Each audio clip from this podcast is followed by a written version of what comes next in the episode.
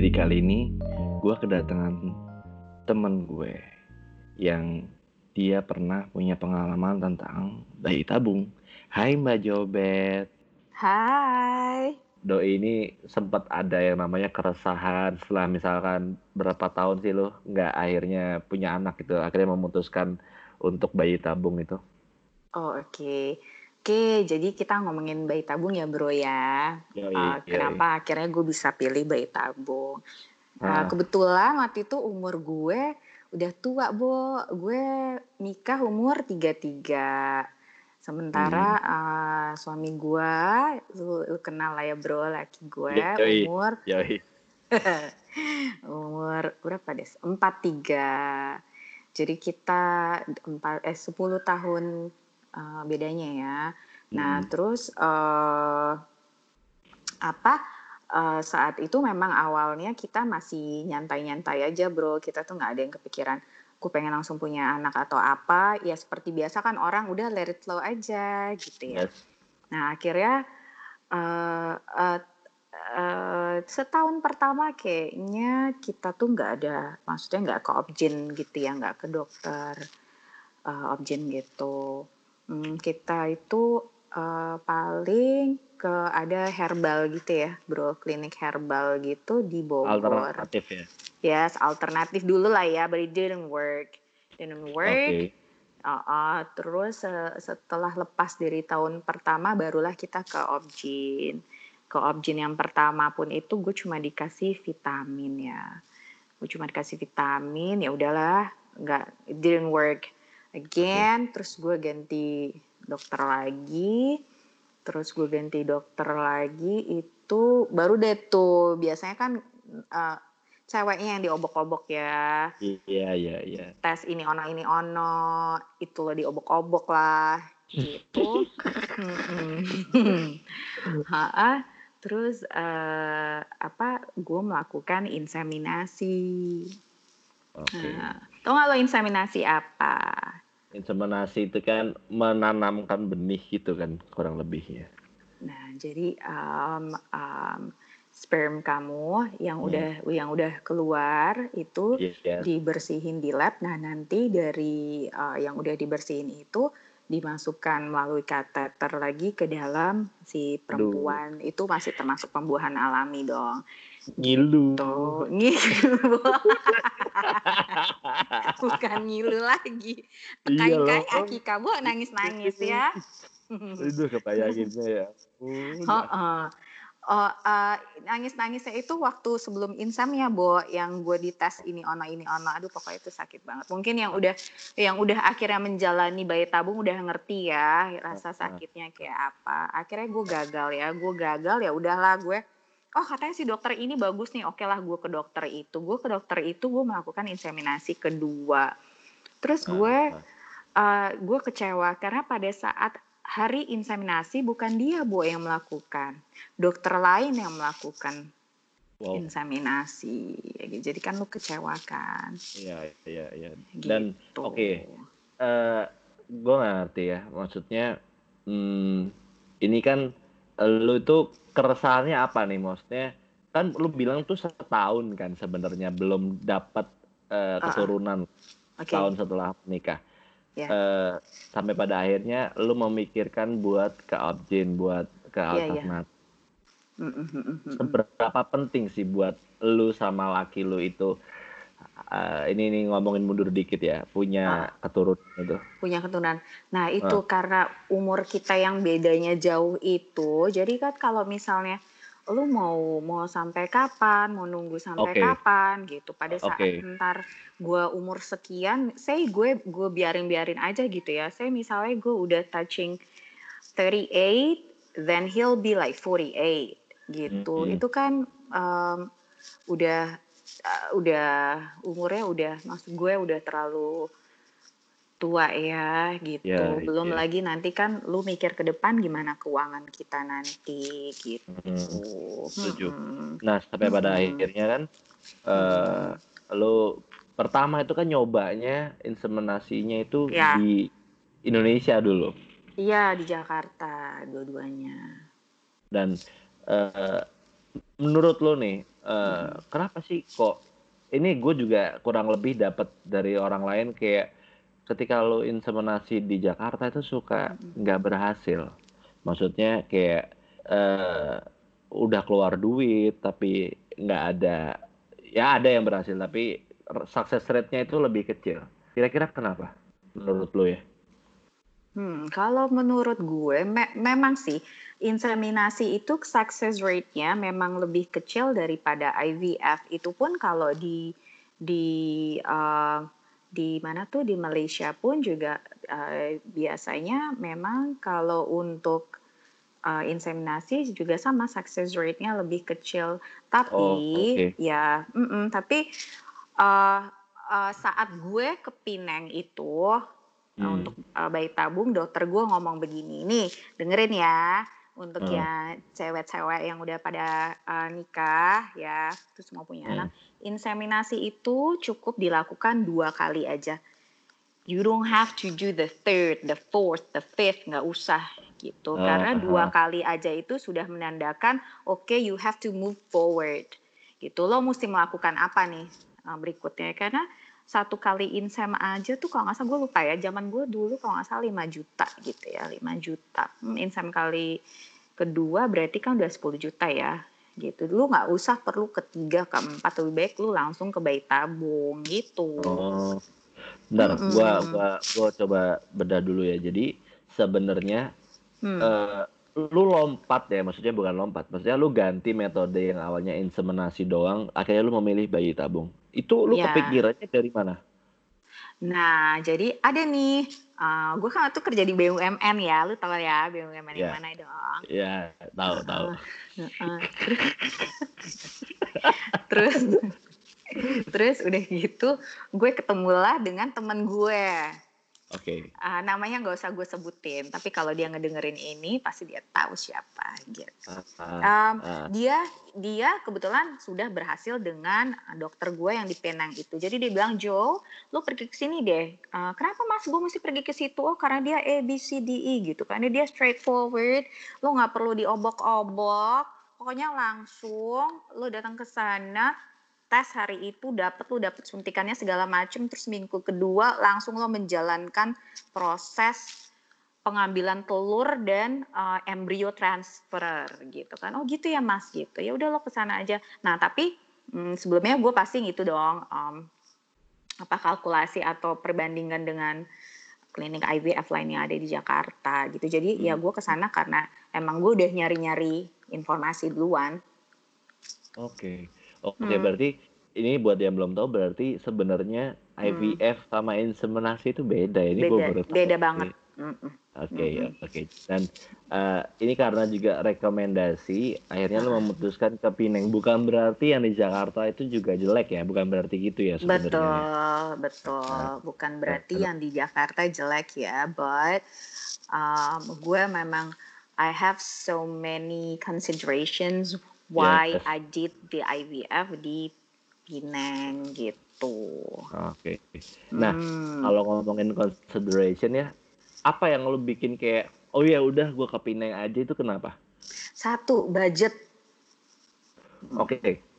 Hmm, saat itu uh, setelah gue perbandingkan ya hmm. di. Pineng itu jauh lebih murah biayanya say waktu itu di zaman gue ya pokoknya gue tuh selesai gue terima bersih ya sama penginapan sama apa tuh penginapan eh, pesawat ya dan biaya ini ona ini ono obat suntik segala macam itu itu gue cuma di bawah 75 juta lah ya gitu. Wow. Hmm, okay. dan itu juga gue udah stay di di apartemen yang gue tinggal sendiri ya, gue nggak gabung sama orang. Oh, oke oke. Dan itu sebenarnya cenderung leb bukan lebih murah, tapi nggak beda jauh daripada di Indonesia ya katakanlah.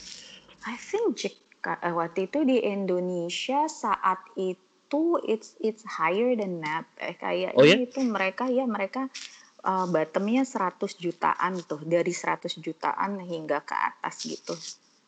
Uh, uh. Wow. Meskipun mereka bilangnya ada uh, oke okay, kita punya promo nih 45 juta untuk IVF tapi belum nanti belum plus ini plus itu plus ini dan plus itu gitu obat-obatnya pun juga tergantung dari um, dari masalah yang ada daripada diri lo oh that's gitu. why dia minimum biasanya di 100 juta ya setahu gue ya uh, uh. nah hmm. itu lo di sana di hmm. Pineng Hmm. Itu berapa lama sampai akhirnya proses itu selesai?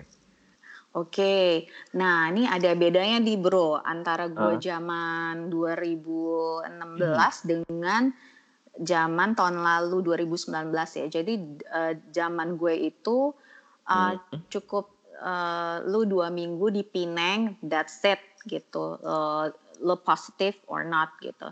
Nah okay. sekarang mm -mm, yang dari zaman 2019 itu adalah pada saat um, apa um, ember, sorry pada saat telur lu sudah diambil nah itu lo dibekukan dulu tuh dibekukannya oh. itu selama uh, uh, if I'm not mistaken ya two or three months jadi setelah itu baru lu datang lagi untuk embrio transfer kenapa sekarang seperti itu karena uh, iter info um, probability-nya untuk uh, positif ya itu lebih tinggi karena kan uh, selama kita se sebelum apa tuh sebelum telur lo diambil itu kan kita disuntik-suntik kan ya bro ya.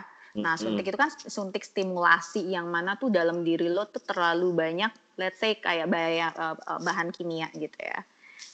Nah, jadi diharapkan pada saat lo rehat yang dua atau tiga bulan itu tubuh lo kembali normal, kembali bagus gitu ya. Nah, pada saat tubuh lo bagus, nah dimasukkanlah itu si embrio. Oh, wow, berarti sebenarnya ini ini uh, eh, gue nggak tahu ya, mungkin gue salah, tapi hmm.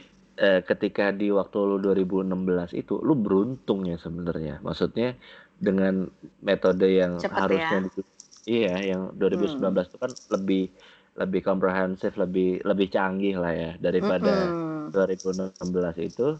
Mm -mm. Tapi lu masih dapat uh, hasilnya, maksudnya lu positif dan ya mungkin buat yang belum tahu Tuhan tuh baik ya sama doi. Dia dikasih anak kembar loh.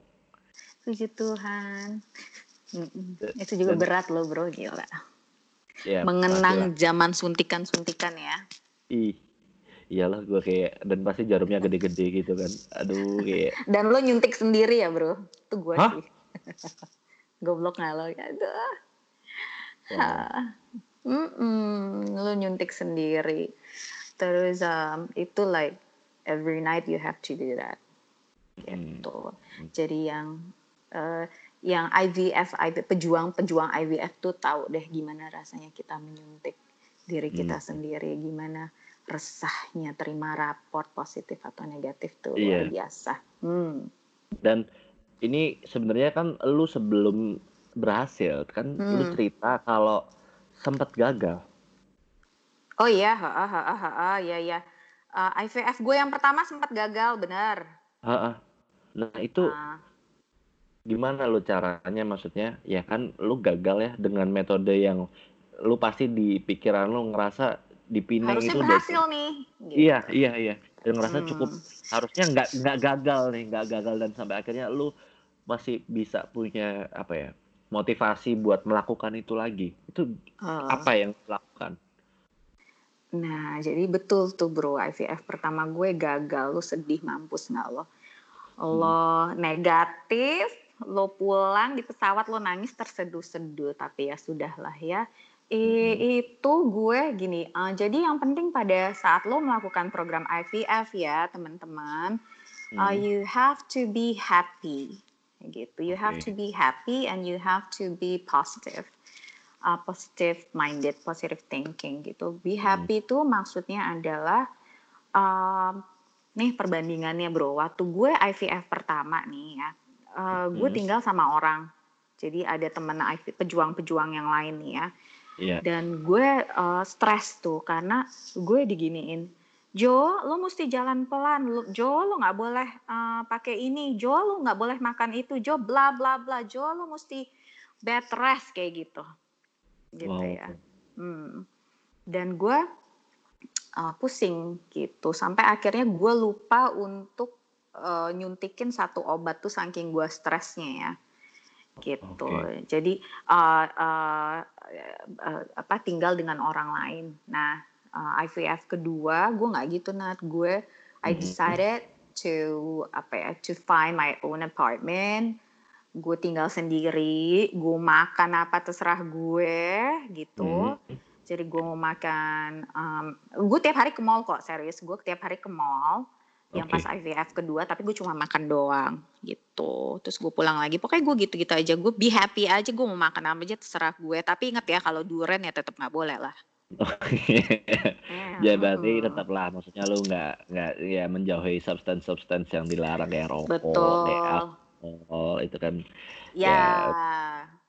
Ya jangan sampai karena nggak ngendaliin hawa nafsu sepele kayak gitu lu gagal-gagal yang nggak penting lah menurut gue. Nah, Mm-mm. Eh, ketika ini nggak tahu kan ada orang bilang ketika misalkan bayi tabung kalau bisa eh, suaminya nemenin. Nah, kalau oh lu iya gimana? Lu lu dapat dapat bocoran itu dari mana ya Bo- Bocoran apa nih? Ini gue nggak ngerti, gue nggak ngerti. Gue asli Ah. kayak pinter lo Kayak- cadas cadas cadas Nah, itu gimana tuh? Ah, gue nah terus terang bro. IVF pertama gue gue kan gue sendiri tuh. Aku kan gue Ah. sendiri tuh ke sana gitu. Nah, nah um, ada tipikal teman-teman gue kebetulan dia bawa maminya. Terus maminya nanya ke gue kayak gini lo suaminya mana? Oh suaminya kerja gitu. Oke. Lo mestinya suaminya ikut dong gini gini bla bla bla bla ya deh ya Oh. deh ya deh. Ah, my god eh itu pressure juga loh Iya benar benar. Iya nggak sih? Mm-mm. And she shouldn't do that. Gitu. Iya Hmm. Nah dari situ ya itu gue lebih baik tinggal di apartemen aja lah sendiri. Dan eh, dan gue memang selama hmm, jadi kalau laki gue dibutuhkan, misalnya pada saat sperm laki gue dibutuhkan itu oke dia datang gitu. Tapi ya abis udah udah sperm yang nggak dibutuhin ya gue bilang "Eh, udah kamu balik ke Jakarta aja kerja aja aku bisa I can manage gitu ya udah Nah, gitu. Mm-mm. Oh.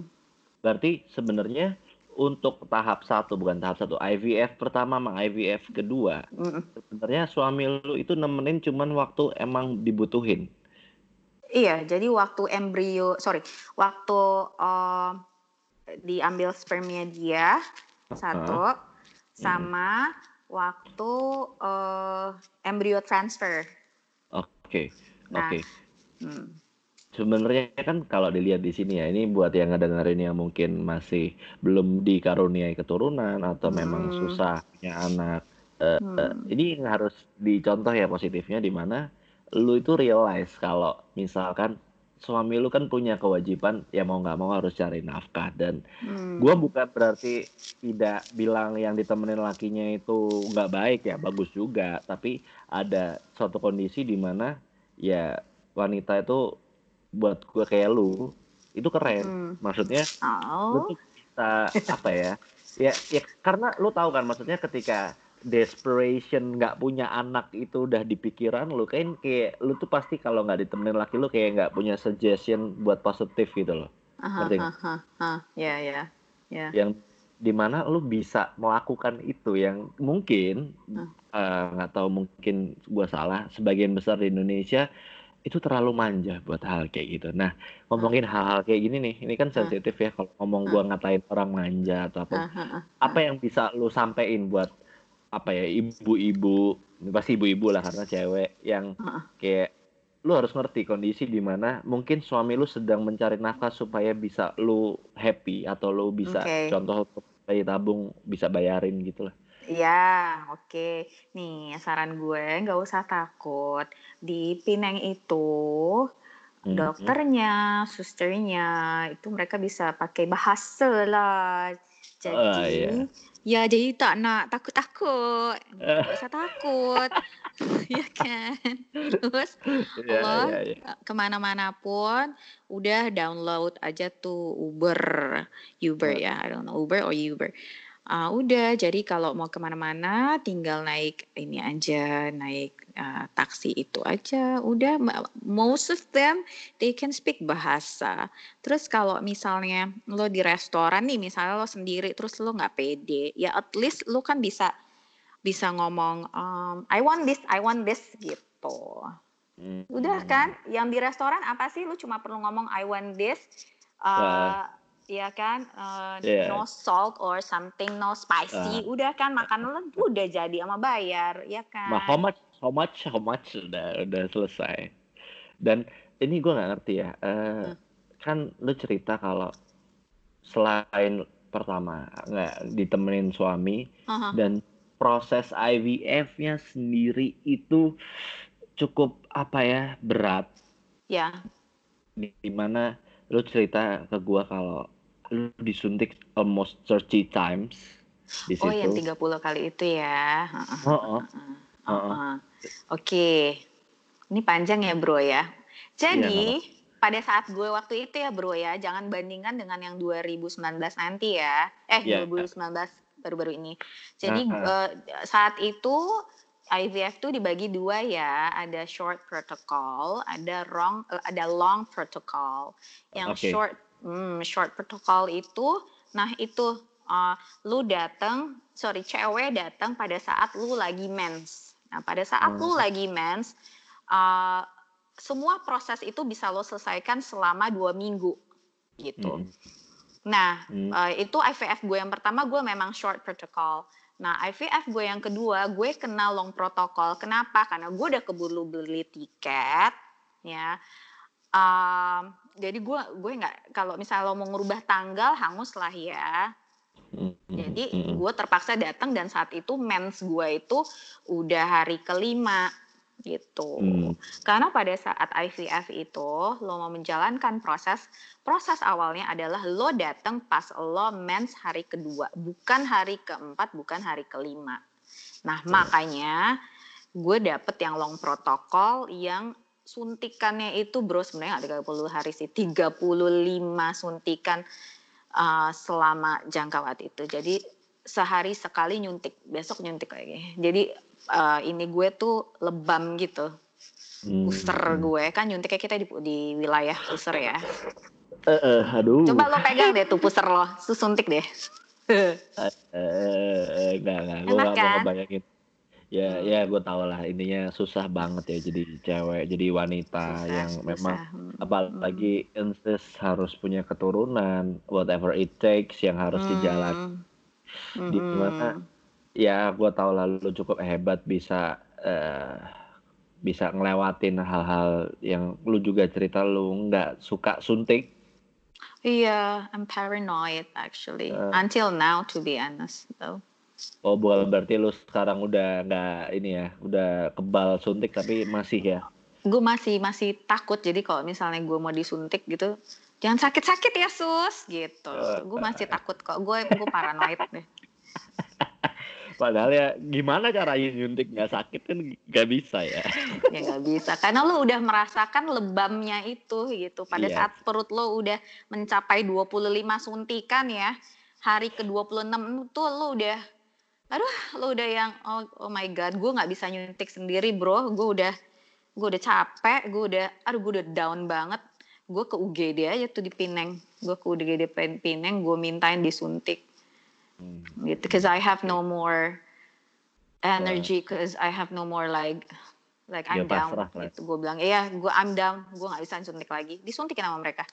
Uh, uh, dan, gitu. uh, setelah itu uh, meskipun ini ini gue nggak mau ngomong uh, berhasilnya dulu tapi kan hmm. Atau kalau mau sambil ketawa boleh loh. Nggak usah serius loh gue kan ketawa dikit-dikit oh, iya, iya, nggak iya, iya, iya, serius terus banget cuman gue itu lagi imagine waktu itu misalkan hmm. ya gue cewek atau gue di posisi gue harus itu disuntik hmm. gila-gilaan dan gue jauh dari hmm. pasangannya gue tahu itu susah banget lah ya hmm. Hmm. yang aduh ada kayak gimana ya lu juga gagal sebelumnya yang di mana hmm. ini ini ini stereotype orang Indonesia yang gue nggak bisa bilang apakah itu benar atau salah cuman ketika orang nih ya gue tuh sering lihat di Instagram di mana ada Hmm. ibu-ibu atau eh, orang cewek yang baru nikah ketika positif dia suka Insta story atau apa pun ini menurut Oh, gue I didn't do that. Iya, iya, iya. Iya, lu nggak ngelakuin itu, tapi lu No. tetap ya lu kasih tahu lah ya, misalkan lu ada temen lu gitu, lu sempet kasih tahu lah ya waktu sebelum gagal itu. Ya, yang yang deket aja sih.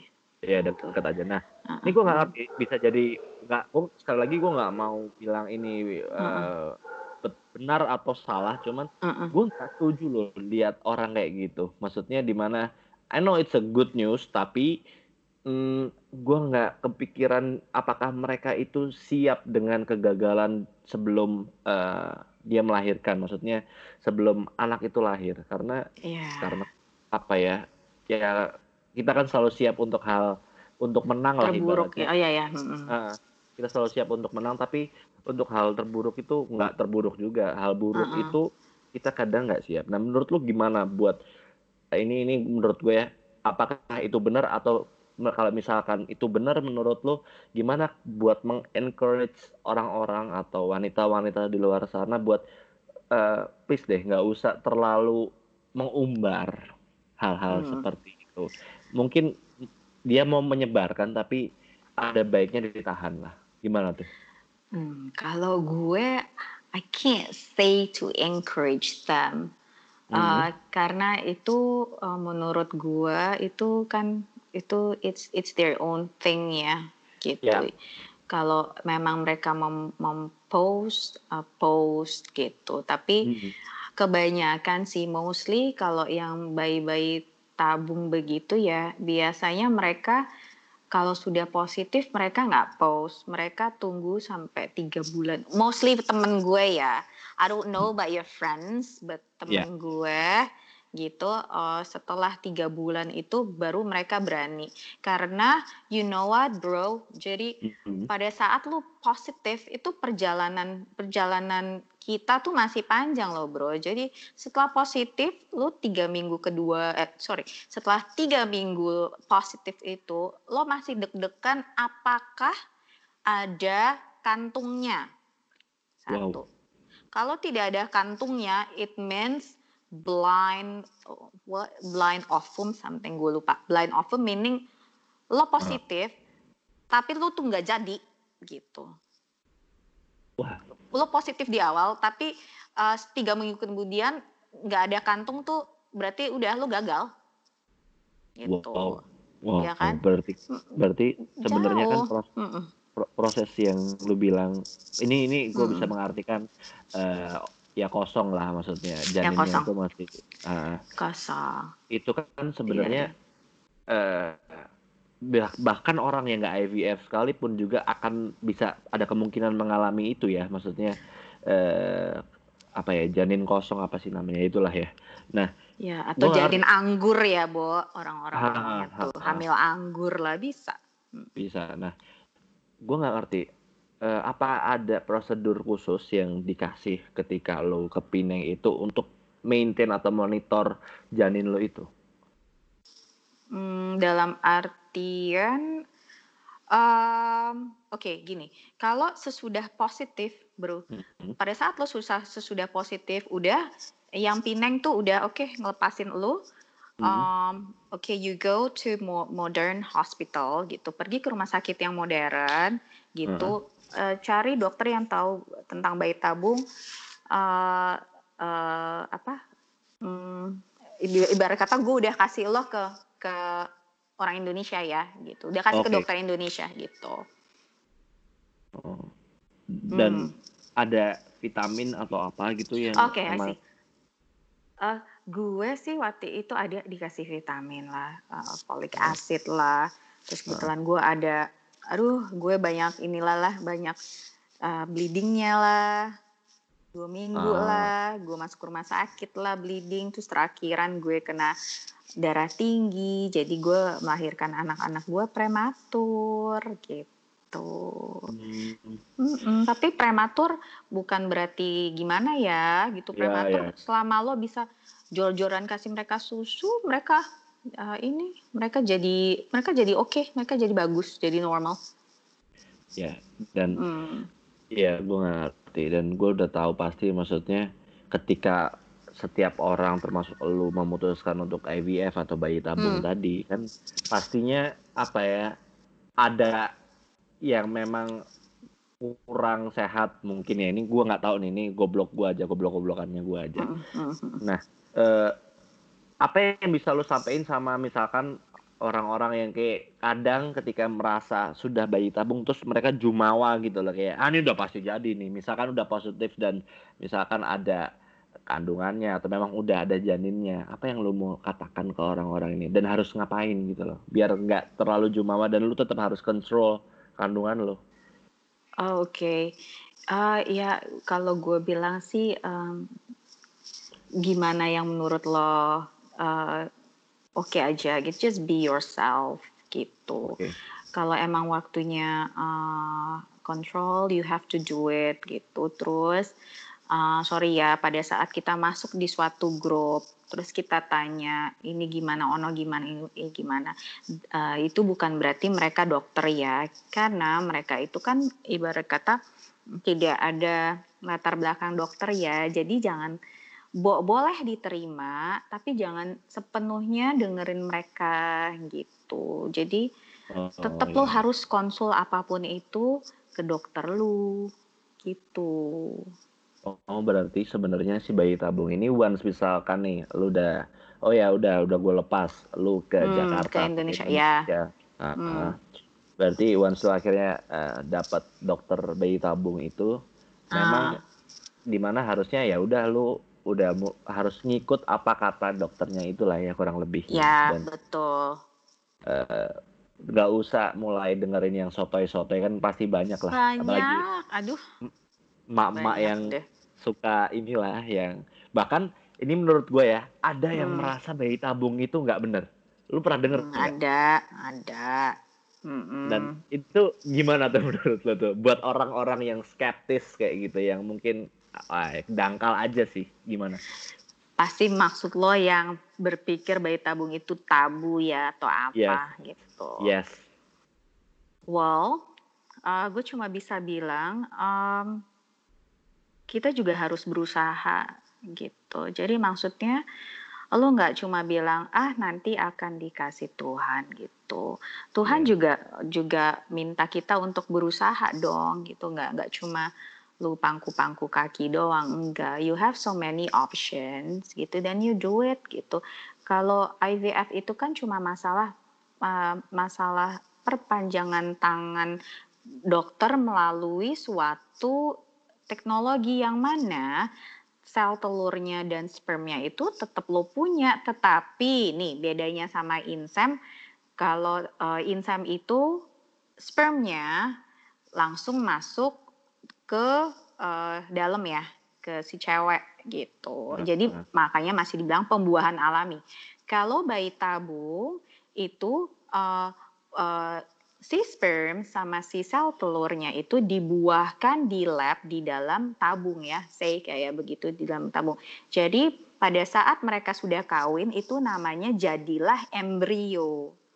Yeah. gitu ya embrio itu yang ditanamkan ke elu gitu uh. jadi gue bilang kalau menurut gue uh, itu nggak tabu bahkan sekarang kan juga kalau nggak salah di Jakarta tuh ya um, Morula ya ada Ustadz siapa ya itu juga mereka udah menjalankan bayi tabung juga kan hmm. gitu jadi kita um, have to be open minded lah yeah, in my opinion ya yeah. uh, ini ini buat mungkin yang apa ya ada banyak macam-macam tipe lah di mana hmm. ada pasangan yang merasa ini ada stereotip yang mungkin agak jauh tapi orang tuh cenderung ngerasa mereka itu kalau sebelum nemu masalah hmm. itu nggak apa ya nggak pernah anticipate maksudnya nggak berusaha betul nah, exactly ya yeah. Nggak control lifestyle atau apa pun yeah. itu gizi True. nah ada nggak kira-kira tips buat mereka mereka ini buat ngejaga uh, apa ya kondisi fisiknya supaya masih bisa amit-amit nah itu kan sebenarnya last option ya uh, Hmm. IVF ini ya sebenarnya. Ya Lu betul pun betul, kalau, betul betul betul kalau katakanlah nggak harus IVF ya itu Ya. lebih baik lah ya gitu ya betul. berarti ya. Iya betul. Nah, apa yang bisa lu sampaikan buat eh, mungkin pasangan yang baru menikah ataupun yang ber- ber- berencana punya anak? Hmm, oke. Em, jadi em, dari pengalaman IVF gue ya bro ya, em, sebelumnya juga gue udah pernah dipanggil oleh eh, salah satu, eh, gue sebutin nama nggak ya? Sebutin kali ya. aja. Ah, Okay, uh, I was one of the uh, speaker for Malaysia Healthcare Travel Council. mm, Uh, di situ uh, ketemu juga sama dokter-dokter IVF gitu, dan memang um, mereka menyarankan adalah setelah menikah itu ada baiknya lakukan screening test like six months after you get married.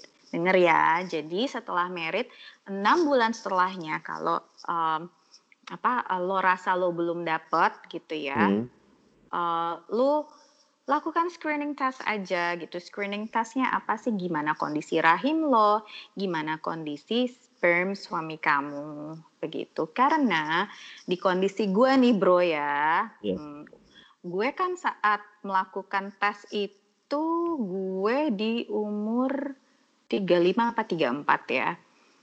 Nah, Hmm. gue itu dari hasil tes yang keluar itu, gue itu diinfokan bahwa rahim gue itu mirip dengan rahim orang yang umur 40 tahun. Tuh lo imagine deh.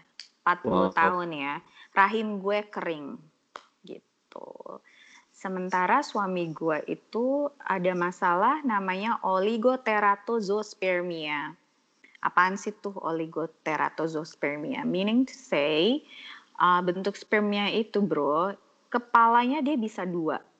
Ada yang kepalanya dua, ada yang kepalanya satu, ada yang kakinya dua, ada yang kakinya satu, ada yang bentuknya abnormal, um, apa kuantitasnya juga nggak banyak, gitu kan yang masalah-masalah itu lu nggak pernah tahu apakah mungkin itu karena gaya hidup lo sebelumnya, gue nggak tahu ya ah, gitu. Jadi hal-hal seperti itu kan lu mesti tahu. Misalnya lo nih nikah nih ya bro ya. Nah mm, lu mesti tahu dong kondisi sperm lo gitu kayak apa. Lo Hmm. sehat nggak ya? Kalau sehat ya puji Tuhan gitu ya. iya, Jadi iya. eh, nggak usah sampai IVF lo aman lah gitu. Oke. Nah, Mm-mm. itu kan six months after married ya. Cuman Ya, ini banyak orang yang cenderung menikah itu skip yang namanya premarital check up. Oh sebelum married ya. Hmm. Ya. Mhm. dan karena kan ada stigma di mana ketika orang melakukan premarital itu kadang takut karena bisa jadi nggak nikah atau apa. Iya Nah, betul. men- menurut lu gimana tuh pentingnya premarital check up? Um, memang gue diinfokan dari dulu do the premarital, but I didn't do that gitu karena ya Hmm. gue takut gitu ntar nggak jadi nggak jadi juga habis lah duit gue kan, Ya. habis lah uang awak bayar-bayar gitu. Nah makanya setelah nikah aja nggak apa-apa, enam bulan setelahnya nggak masalah. Oh masih aman ya sebenarnya ya kalau sebenarnya setelah nikah baru check up. Baru cakap nggak apa-apa, enam bulan itu justru yang di um, rekomendasikan oleh dokter-dokter seperti itu. Setelah enam bulan lu cek aja Iya. gitu. Ini dokter-dokter IVF ya, gitu. Ada Ah. kadang dokter yang objek, Allah baru setahun nikah masih belum, udah nih saya kasih folic acid aja gitu. But di- tapi lo nggak diperiksa, you'll never know. Akhirnya kayak gue, ternyata Mhm. daleman gue umur 40 orang 40 tahun bro, kan? Iya sih, iya dan ya berarti ya disesuaikan dengan culture Indonesia yang misalkan ada keluarga yang apa ya ikut andil lah. Jangan premarital it's okay lah ya sebenarnya. Ya, At least after married ya lu harus tetap lakuin at least 6 bulan setelahnya lah ya. Masih setuju. bisa dikontrol. Nah, Ya. eh paling itu dulu ya. Mungkin ada Ya, ya. hal yang mau lu sampein? Be happy. Ya, be happy. Po jangan dengerin eh, orang deh tuh matiin tuh grup terus fokus on yourself ya matiin tuh grup apose apose itu gitu baca deh tuh bekal tidur ya eh baca dengerin deh tuh podcast bekal tidur ya Mm-mm. nyeloteh nyeloteh aja gitu. atau collab sama Bapak Bernard ya. Pokoknya bikin Waduh. happy aja lah. Mm-mm. Oh ya ampun. Mm-mm. Ya wes, eh, thank you ya udah mau Thank nemenin you. Ya. kalau nggak sama lu mungkin nggak dapet knowledge knowledge yang kayak gini lah yakin Thank you bro. Ya semoga membantu teman-teman kita ya. amin amin ya Amin. Thank you. Eh, Bye. yuk Eh, thank you ya buat teman-teman yang udah mau dengerin kita jangan lupa eh, dengerin episode gue yang lain stay safe stay clear stay healthy and bye bye